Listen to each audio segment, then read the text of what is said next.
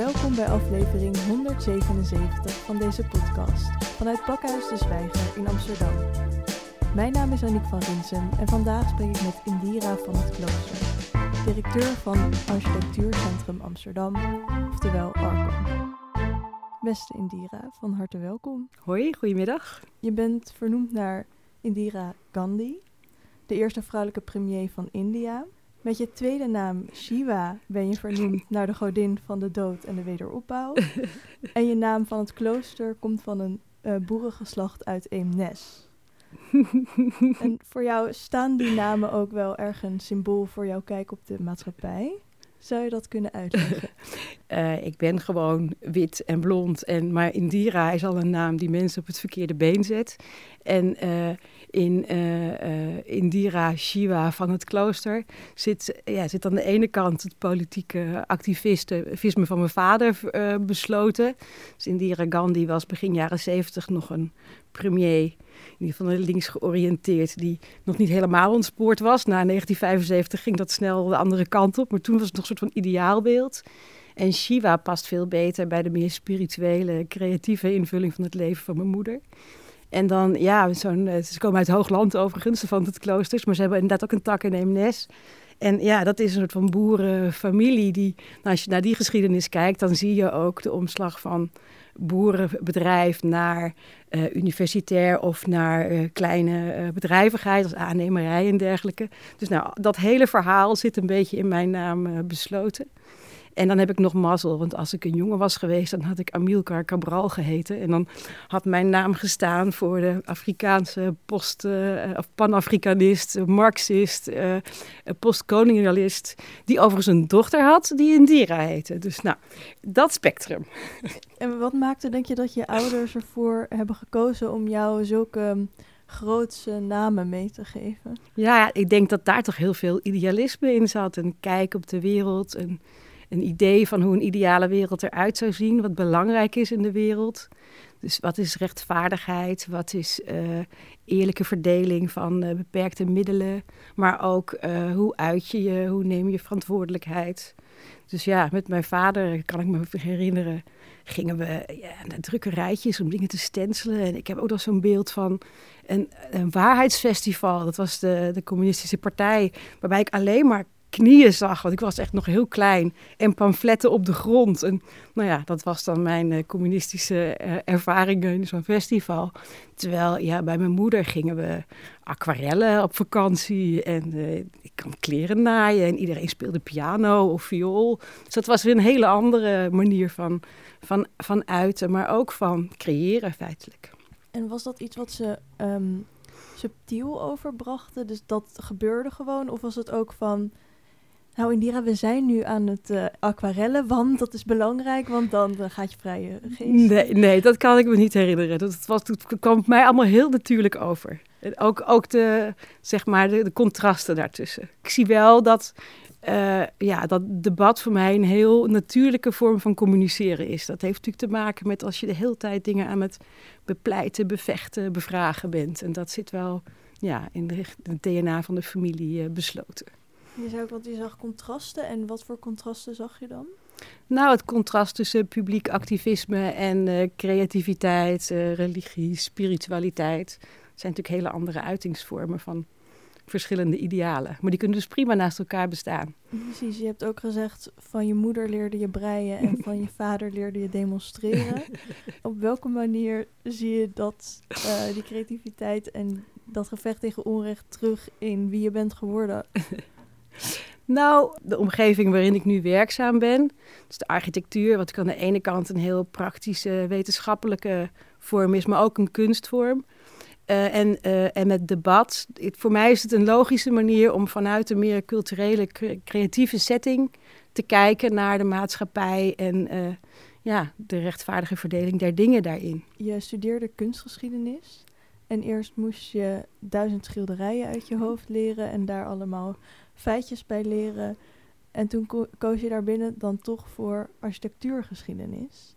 En wanneer raakte je ervan doordrongen dat architectuur echt een uh, manier was om naar de wereld te kijken die ook kracht heeft om de maatschappij in te richten? Of die misschien wat meer uitdagend voor jou was dan duizend schilderijen uit je hoofd leren. Nou ja, het, het was denk ik ook, ik bedoel, kunstgeschiedenis is inmiddels denk ik ook een heel andere opleiding. Maar Mm. dit was eind jaren negentig en het eerste jaar was inderdaad gewoon dat, schilderijen uit je hoofd leren. En dat is overigens super nuttig, want ik kan nog steeds allerlei schilderijen reproduceren. En dan kan ik je vertellen welk jaar, welk materiaal, de formaten van de frames. Superleuk allemaal. Maar het leerde me vooral dat ik eigenlijk andere dingen wil onderzoeken in die kunstgeschiedenis. En de architectuur biedt dat. Niet alleen zijn de gebouwen driedimensionaal, dus je kunt erin meestal. Soms je ook op papier kun je ook van alles eh, bewerkstelligen, maar veel gebouwen zijn natuurlijk gewoon gebouwd en die bestaan, staan in een stedelijke context. Het is ook niet achter muren of een deur of ergens gesloten, maar het staat daar in plain sight, weet je. Het verhoudt zich tot iets. En het kan alleen maar tot stand komen in een nauwe relatie met politiek, met economie, met maatschappij, met cultuur. Dus vanuit die architectuur kun je veel meer kanten op. En een tweede reden was dat kunstgeschiedenis was heel erg uh, gesegmenteerd in periodes. Dus middeleeuwse kunst, renaissance kunst, moderne kunst. En de rest was architectuurgeschiedenis.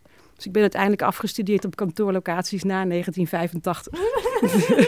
dus nou, dat kon dus binnen de kunstgeschiedenis. Dus dat gaf mij heel veel ruimte om uh, het vooral ook over het nu te hebben. En wat is er interessant aan kantoorlocaties na 1985? nou, dat vond ik interessant, want ik studeerde af in 1995. En toen was er zeg maar, in Amsterdam net van alles gaande. Het was de Amsterdamse kantoorlocaties. Dus je had in de jaren negentig had je uh, beleid waarbij bedrijventerreinen naar de rand van de stad werden geplaatst. Dus uh, Lelylaan, Sloterdijk zijn daar voorbeelden van. En tegelijkertijd had je Amstel 3 als een soort van jaren tachtig bedrijventerrein. Wat toen helemaal ja, een soort van anoniem, uh, onprettig gebied was.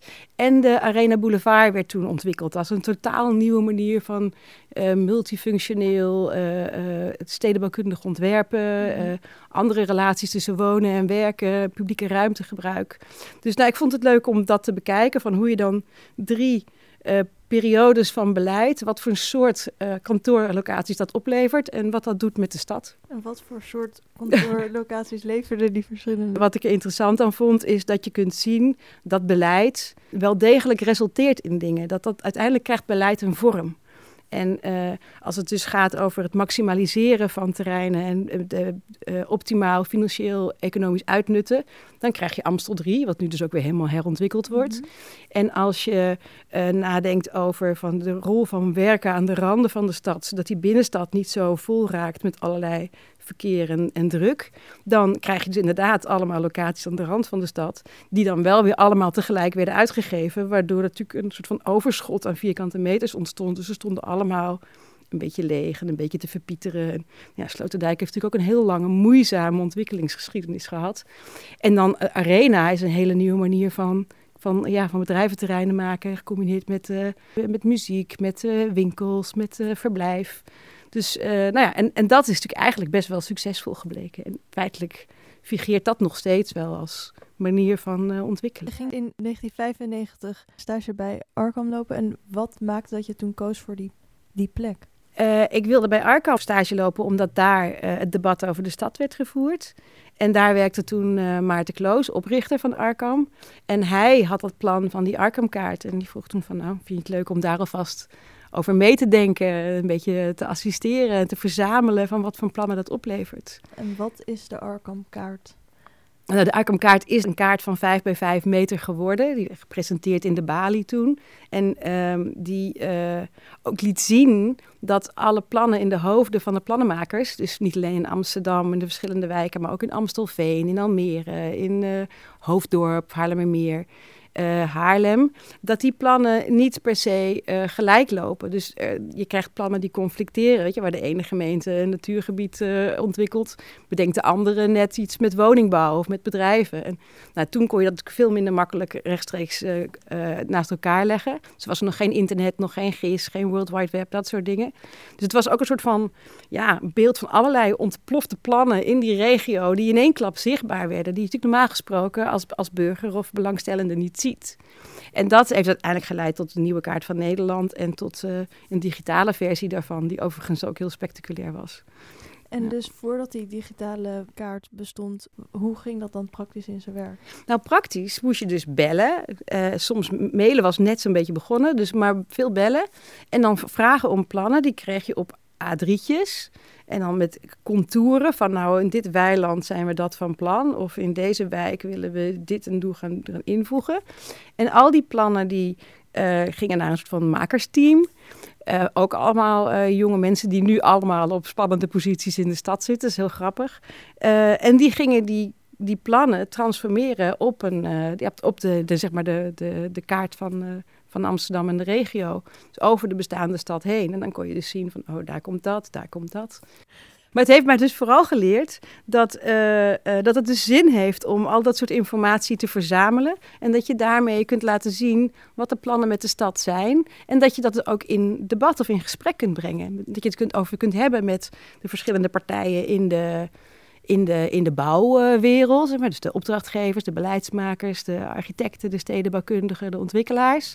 En, en de stad zelf. Wat vinden we eigenlijk van, van die stad die, nou ja, zoals die nu in de hoofden van de ontwerpers bestaat? En hoe sluit dat aan op onze eigen leefwereld? Uh, hoe zou je Arkham beschrijven?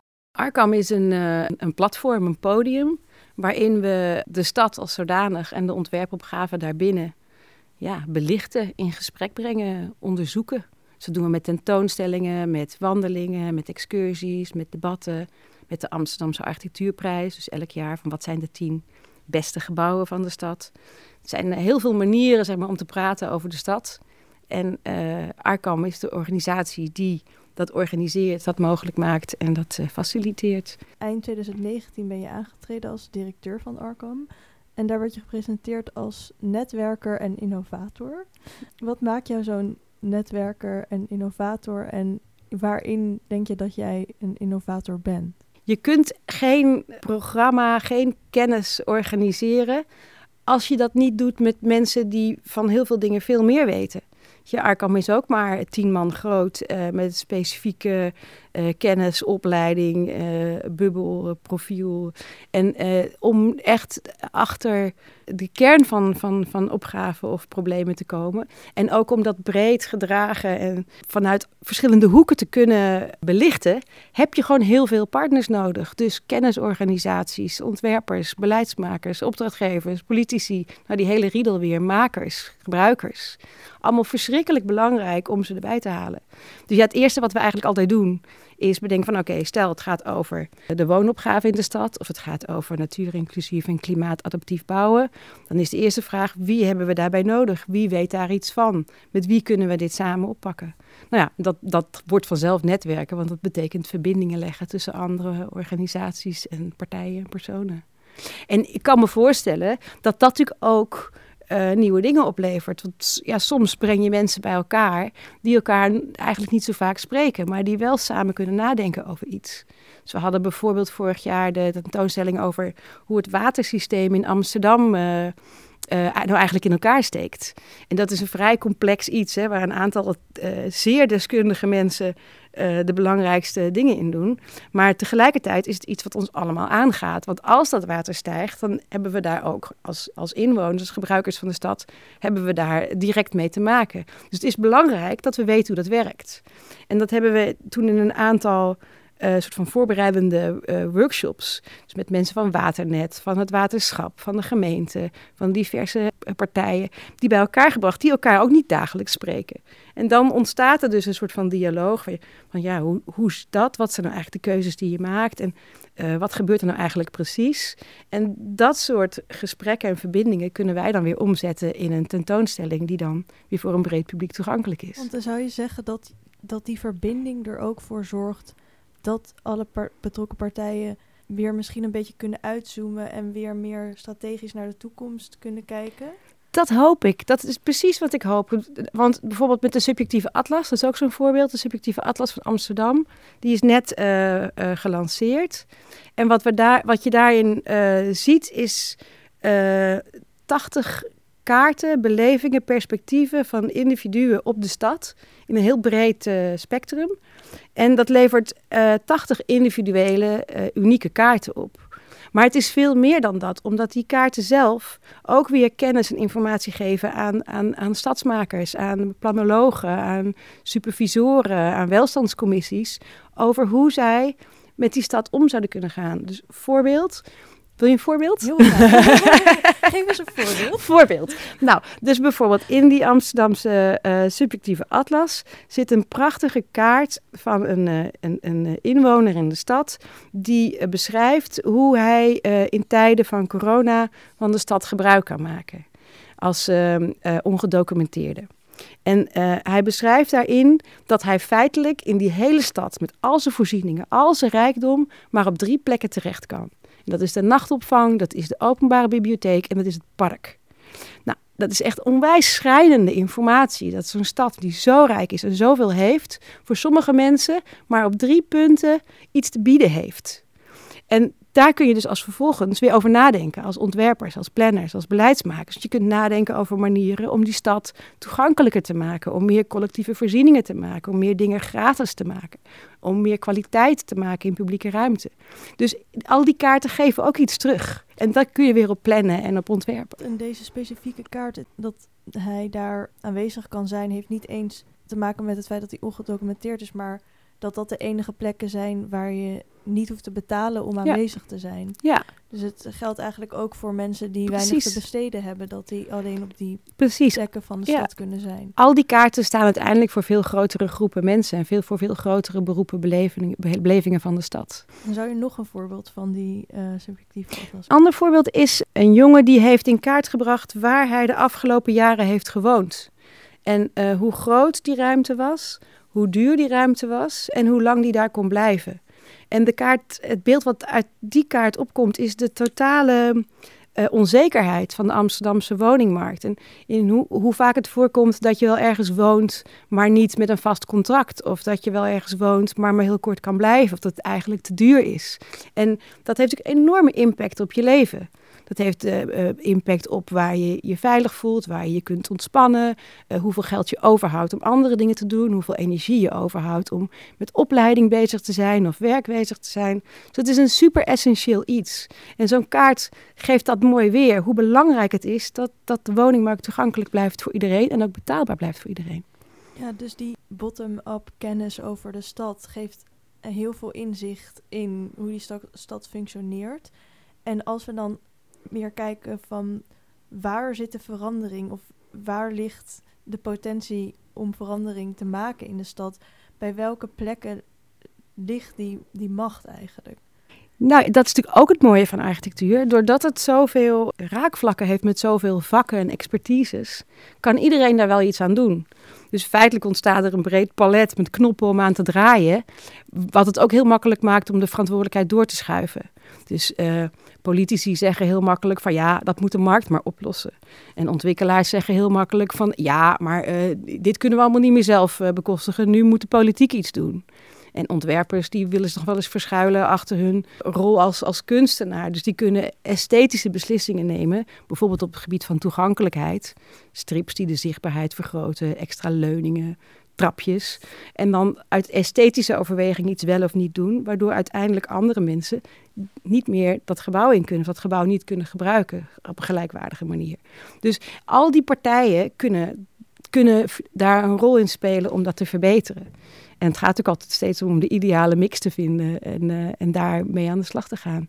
Maar ook daar zit in die woningmarkt natuurlijk superveel interessante aanknopingspunten is het mogelijk om nieuwe manieren van financiering te vinden, waardoor projecten als de Warre of de Nieuwe Meent veel makkelijker van de grond komen? Is het mogelijk om, als we beleid hier en daar een beetje aanpassen, gebouwen die nu niet gebouwd of bewoond of uh, behouden kunnen blijven, alsnog beschikbaar kunnen komen om in te wonen. Want initiatieven als de Warre en de Meent zijn uh, woningcoöperaties. Ja.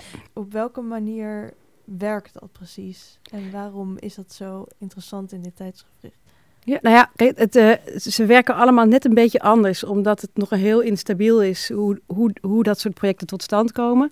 Maar de basisgedachte is dat ze uh, grond op een relatief goedkope manier kunnen verwerven, omdat ze zich als coöperatie uh, manifesteren en omdat ze maatschappelijke functies opnemen, dat ze vaak ook sociale woningen of middenhuur opnemen. Um, en doordat ze vervolgens constructies maken, door bijvoorbeeld het hele pand uh, als stichting uh, tot eigenaar te maken. Waardoor je niet meer die woningen kunt verkopen. Maar die blijven dan altijd eigendom van die stichting. En die, die stichting kan altijd weer die woningen, als ze leegkomen, aan anderen toewijzen. En het voordeel daarvan is dat woningen dus uit de woningmarkt blijven en dus niet in die financiële molen meegaan. Waardoor de kosten laag kunnen blijven en niet mee hoeven in, die, uh, uh, ja, in de economische wetten van, uh, van wat nu eh, de woningmarkt heet. Terwijl het natuurlijk eigenlijk volkshuisvesting zou moeten zijn. Nou, dat is super interessant. En daar, uh, daar zou je veel en veel meer van hebben. En waar, wat er nu speelt, daar hebben we vorig jaar dan ook een, eh, een, een architect in residency aangeweid met rouwplanarchitecten. Wat je nu ziet is dat het heeft een soort van aanloophobbel. Dus we hebben nu een aantal wooncoöperaties die natuurlijk allemaal zouden kunnen gaan bijdragen aan een soort van wooncoöperatiefonds. En dat fonds dat zou natuurlijk groeien als er meer en meer coöperaties komen. En dan zou het makkelijker worden om toekomstige coöperaties te financieren. Maar nu zijn er nog te weinig om dat te doen. Dus iemand moet in dat gat springen. De banken, uh, ontwikkelaars, corporaties, politiek, kan van alles zijn. Maar ja, dat is nu een beetje het vacuüm waarin dat zit. Maar in potentie, je ziet het ook in andere landen, uh, is dat super, super krachtig en super kansrijk om, om eigenaarschap en betaalbaarheid uh, te garanderen in een stad. De verruiming van een meer professionele kijk op architectuur begon ook een beetje met de uh, financiële crisis in 2018, die ook in 2012 meer voelbaar werd in Nederland. Wat gebeurde er toen binnen architectenland dat er anders na werd gedacht over architectuur? dat was een hele interessante periode, omdat architectenbureaus massaal moesten bezuinigen. Dus architecten kwamen massaal op straat te staan. Of er was gewoon überhaupt geen werk. Dus je komt van school en er is geen bureau meer wat je aanneemt. Dus heel veel jonge architecten zijn toen meteen voor zichzelf begonnen. Maar in een periode waarin er niet heel veel te bouwen viel. Uh, en, die, die, en er is een hele interessante generatie ontstaan die dus architectuur op een andere manier is gaan opvatten. Misschien kun je als architect ook meer een soort van antropoloog zijn in het vormgeven van beslissingen, processen rondom ja, hoe je ideale woonomgeving eruit ziet. Misschien kun je als architect zelf opdrachtgever worden en je eigen financiële uh, middelen uh, verzamelen, zodat je helemaal zoals je het zelf zou willen doen, uh, iets kunt bouwen. Misschien kun je je meer richten op productontwikkeling of modulair bouwen. Nou, heel veel architectenbureaus hebben dat gedaan. En nou, dat, dat verbreedt het idee van wat nou eigenlijk een, een architect is of zou moeten zijn. De 16e AAP, Amsterdamse Architectuurprijs, komt eraan. En in aanloop daarvan hebben jullie ook kennis gebundeld van de eerste 15 edities. Wat voor kennis is daar uitgekomen? Ja, dat was heel interessant. Dus um, vorig jaar, toen we die, ons realiseerden dat, dat het de vijftiende editie was, dat is echt zo'n zo'n ja, zo'n zo'n jubileummoment, zijn we gaan kijken naar uh, wat waren eigenlijk de winnaars de afgelopen 15 jaar hoe worden die gebouwen nu gebruikt en ervaren? Dus we hebben er een fotograaf op gezet, uh, we hebben de mensen geïnterviewd. En gewoon gekeken van hoe, wat is dan eigenlijk de toekomst en de gebruikswaarde van die gebouwen als je er wat langer op terugkijkt. Nou, dat is sowieso leuk. En daar scoren die gebouwen overigens allemaal prima op. Maar we hebben ook gekeken naar um, wat voor soort gebouwen wint er nou eigenlijk. En uh, nou, je moet je ongeveer voorstellen dat er per uh, jaar zo'n 100 gebouwen worden opgeleverd. Dan worden er ongeveer 10 genomineerd. Dus je hebt dan voor 15 jaar heb je 150 gebouwen die potentieel zouden kunnen winnen. Van die 10 genomineerden elk jaar 15 keer. En uh, in die 150 uh, kanshebbers zitten heel veel woningbouwprojecten, sociale woningbouwprojecten met name. Maar die winnen bijna nooit. Wat er wint zijn projecten met uh, functiemenging, dus waar ook iets van een theater of publieke ruimte of een bibliotheek of een museum of zoiets in zit. Dus iets wat um, projecten die, die iets teruggeven aan de stad, zoals dat dan heet in het jargon. Of die nou, iets toevoegen, iets doen voor de stad wat meer is dan alleen maar huisvesten. Maar wat er daardoor ook gebeurt, is het onderbelichten van de ongelooflijke belangrijkheid van die woningbouwopgave, die sociale woningbouwopgave. En ook de kwaliteit die daarin geleverd wordt. Dus dat hebben we vorig jaar ter uh, discussie gesteld. En uh, nou ja, dit jaar hebben we een nieuwe uh, editie en uh, een nieuwe winnaar die nog niet bekend is. Maar het is wel heel interessant om je dat te realiseren. Hoe werkt dat eigenlijk? En hoe komt het dat dan... Want uiteindelijk zit natuurlijk in de sociale woningbouw ongelooflijk veel kwaliteit. dat zou je dan terug willen zien ook in zo'n Amsterdamse architectuurprijs. En dat is niet het geval. Het is ergens ook een beetje een soort van parallel met de discussie over betaald en onbetaald werk. Mensen die uh, thuis kinderen opvoeden of het eten koken ook niet daarvoor beloond worden. Dat ook huisvesting minder belangrijk wordt of minder exceptioneel wordt gezien dan bijvoorbeeld een theater. Is exact dat. Wat je, wat je ziet is dat op het moment dat er meer tijd, meer geld, meer kennis in een bouwproject gaat zitten, dan uh, wordt dat beter. Dus op het moment dat uh, te weinig geld gaat naar een bepaalde opgave, dan, ja, dan kan dat niet anders dan ergens, ergens geeft dat mee. Of, of, of levert dat iets niet op wat het wel zou moeten opleveren. Dus ja, dat, het is ook een pleidooi in die zin voor meer tijd, geld, kennis naar juist die maatschappelijke opgave die bijvoorbeeld in de woningbouw zit. Jullie hebben dus dat gedetecteerd van oké, hier zitten de prijswinnaars dan niet. En hoe vlogen jullie dat dan deze keer aan om daar meer ruimte voor te halen? En wat voor maken en wat voor kaders bedenk je daar dan voor? Nou, we hebben twee soorten juries altijd. We hebben een vakjury en een publieksjury. Dus die gaan kijken bij die tien genomineerden. Maar die tien genomineerden die uh, worden samengesteld door de programmaraad. Dus nou, al dit soort gesprekken over wat is er belangrijk in de stad, wat heeft de stad nodig, wat zien we gebeuren, die worden op al die niveaus uh, gevoerd. Dus eerst met de programmaraad en dan uh, met, de, met de juries. En dan ehm, hadden we dit jaar als, als extra thema hadden we ook toegankelijkheid van die gebouwen. Dus in hoeverre wordt er rekening gehouden met fysieke toegankelijkheid daarvan? En dat is wat daar dan weer interessant aan was, maar dat wordt een beetje een dwarsstraat, is dat gebouwen, dat je die informatie bijna niet vindt. Dus je kunt altijd wel vinden, weet je, bouwjaar, uh, architect, ontwikkelaar, uh, uh, opdrachtgever, materialen, lukt ook nog wel eens, iets met energie, iets met klimaat, dat soort dingen. Maar er staat nooit hoe toegankelijk een, een, een gebouw is of hoe dat is georganiseerd. Dus dat is een soort van gebrek aan informatie, wat we nu geconstateerd hebben, waar we iets mee zouden kunnen doen. Maar wat ook interessant is, is dat de, de vakjury in die zin ook anders kijkt naar gebouwen. In de publieksjury noem ik ook wel eens gewoon de, de, zijn gewoon de, de, blinde vlekkenvangers van de, van de vakwereld. Omdat die echt op een andere manier kijken. Veel meer vanuit het perspectief van gebruikers, van de stad. Van, en niet zozeer op van, is dit detail uh, goed uh, gemaakt of uh, is dit een interessante materiaalkeuze. En op welke criteria wordt de publieksjury dan gekozen?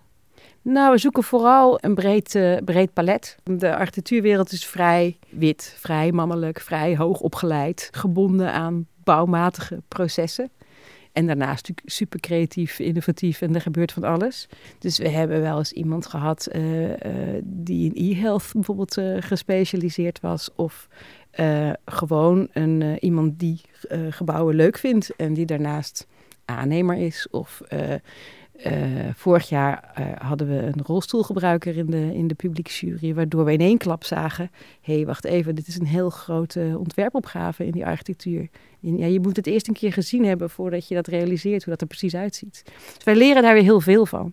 Dus we zoeken dat ook een beetje op van nou, waar zitten nou wat, wat, wat, wat voor kennis brengen die mensen dan mee en hoe zou dat het vakgebied verrijken? Ja, dat is wel een mooi voorbeeld van hoe elke persoon weer een nieuwe blik op de stad en op gebouwen heeft. Maar los van personen zijn er ook nog andere bewoners van de stad die weer een eigen perspectief op de stad kunnen hebben. Bijvoorbeeld Palingen. um, daar weet je ook wat van. Wat voor perspectief zouden Palingen uh, misschien op de stad kunnen hebben? nou ja, die moet ik even ietsje hoger insteken. Want uh, Arkham heeft dus um, twee keer per jaar een architect in resident... die een, een half jaar lang uh, Arkham als platform kan gebruiken, gebruiken om uh, iets te agenderen, iets te vertellen. Dus ik vertelde net al over een ruimplan voor de wooncoöperaties. Maar vorig jaar hadden we Thijs de Zeeuw, natuuroptimist. En um, hij uh, ontwerpt dierenverblijven voor artis. En is daar in het verlengde daarvan altijd aan het nadenken over hoe je nou, als je ontwerpt voor dieren, hoe je er nou achter kunt komen wat die dieren eigenlijk willen. Dus hoe kun je een dialoog uh, tot stand brengen? En dat heeft hij bij Arkham geprobeerd via de paling.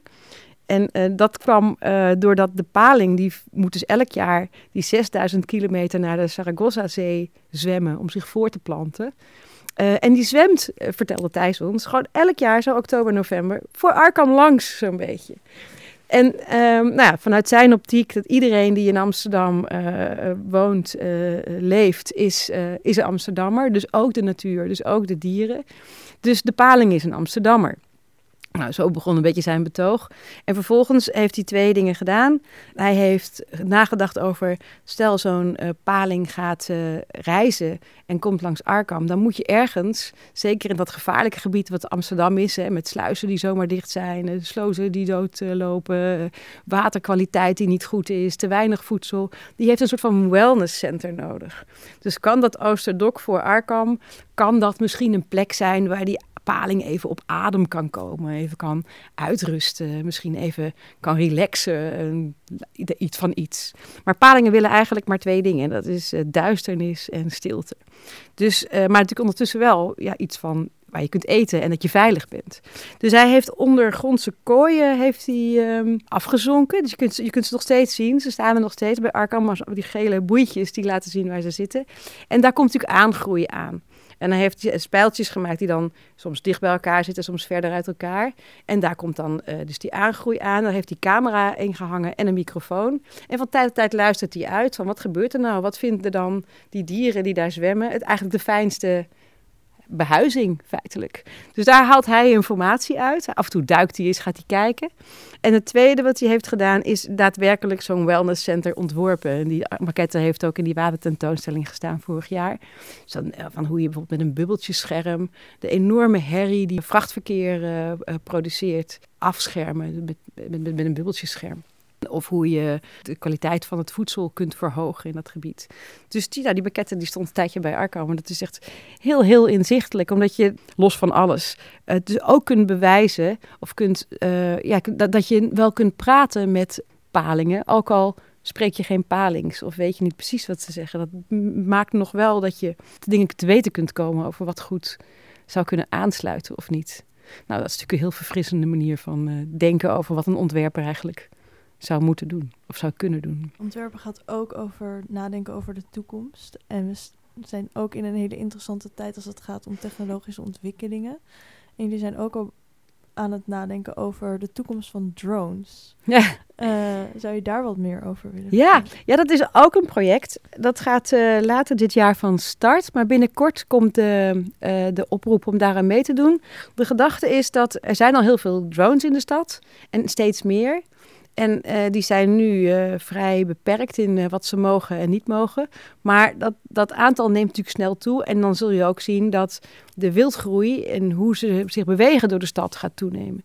Dus ehm, we kregen de, de vraag van het Amsterdam Drone Lab... Van of we dat niet als een ontwerpopgave zouden kunnen zien. Dus stel je hebt um, de, dat toenemende gebruik van drones, kun je dan nadenken over wat uh, drone-snelwegen in de lucht dus zouden kunnen zijn, of wat landingsplekken of parkeerplekken of oplaadplekken zouden kunnen zijn en hoe die eruit kunnen zien. Uh, dat is natuurlijk een hele interessante vraag, want architecten, stedenbouwers hebben over veel dingen nagedacht, maar nog zelden over het ontwerpen van de lucht.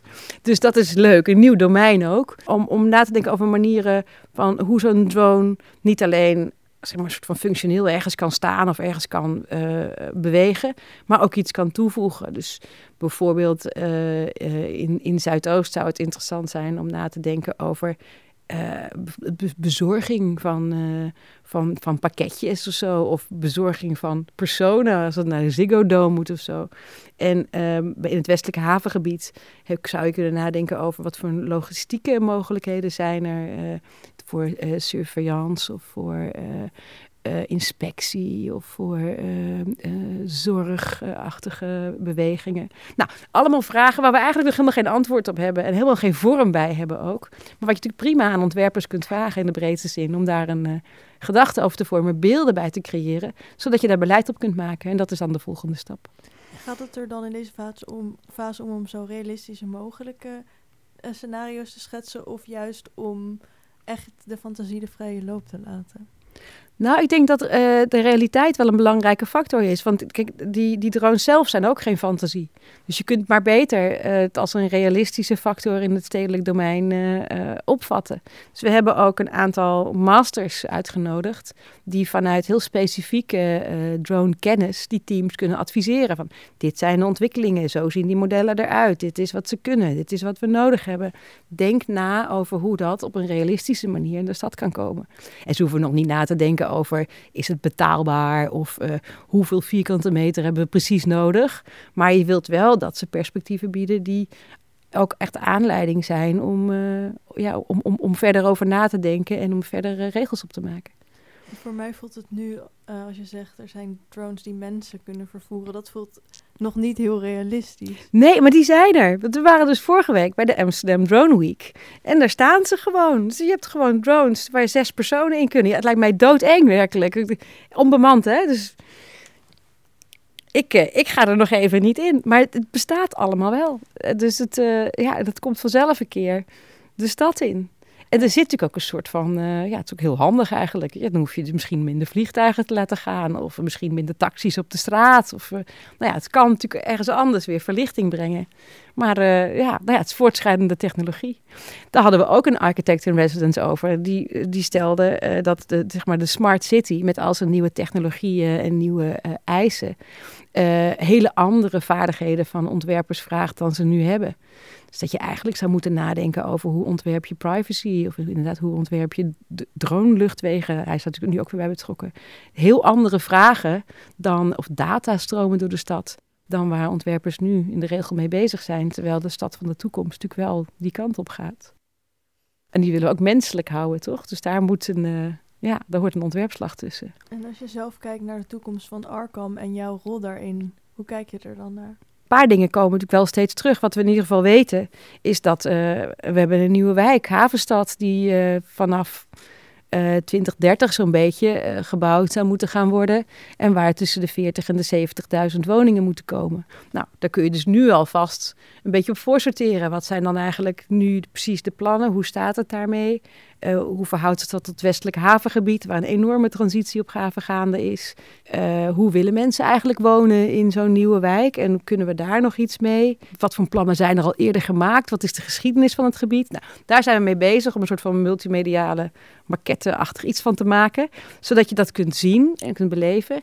En aan de andere kant, waar ik ook heel veel zin in heb, wat we volgend jaar willen gaan doen, is wat nu nog hervertellingen heet.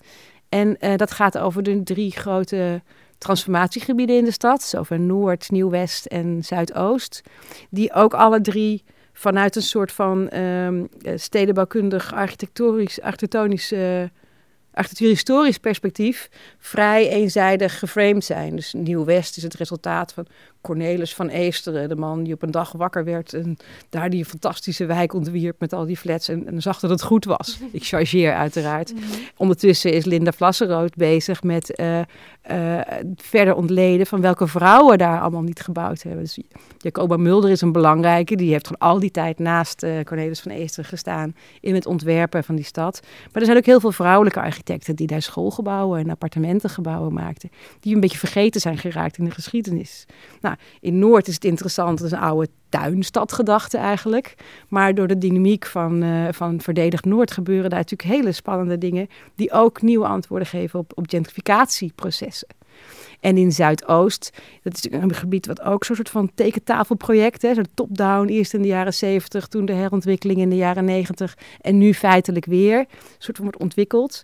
Terwijl het zo langzamerhand wel tijd is om hele generaties ontwerpers die in die wijk zijn opgegroeid te betrekken bij die planvorming. En in die zin de, de Bijlmer te dekolonialiseren.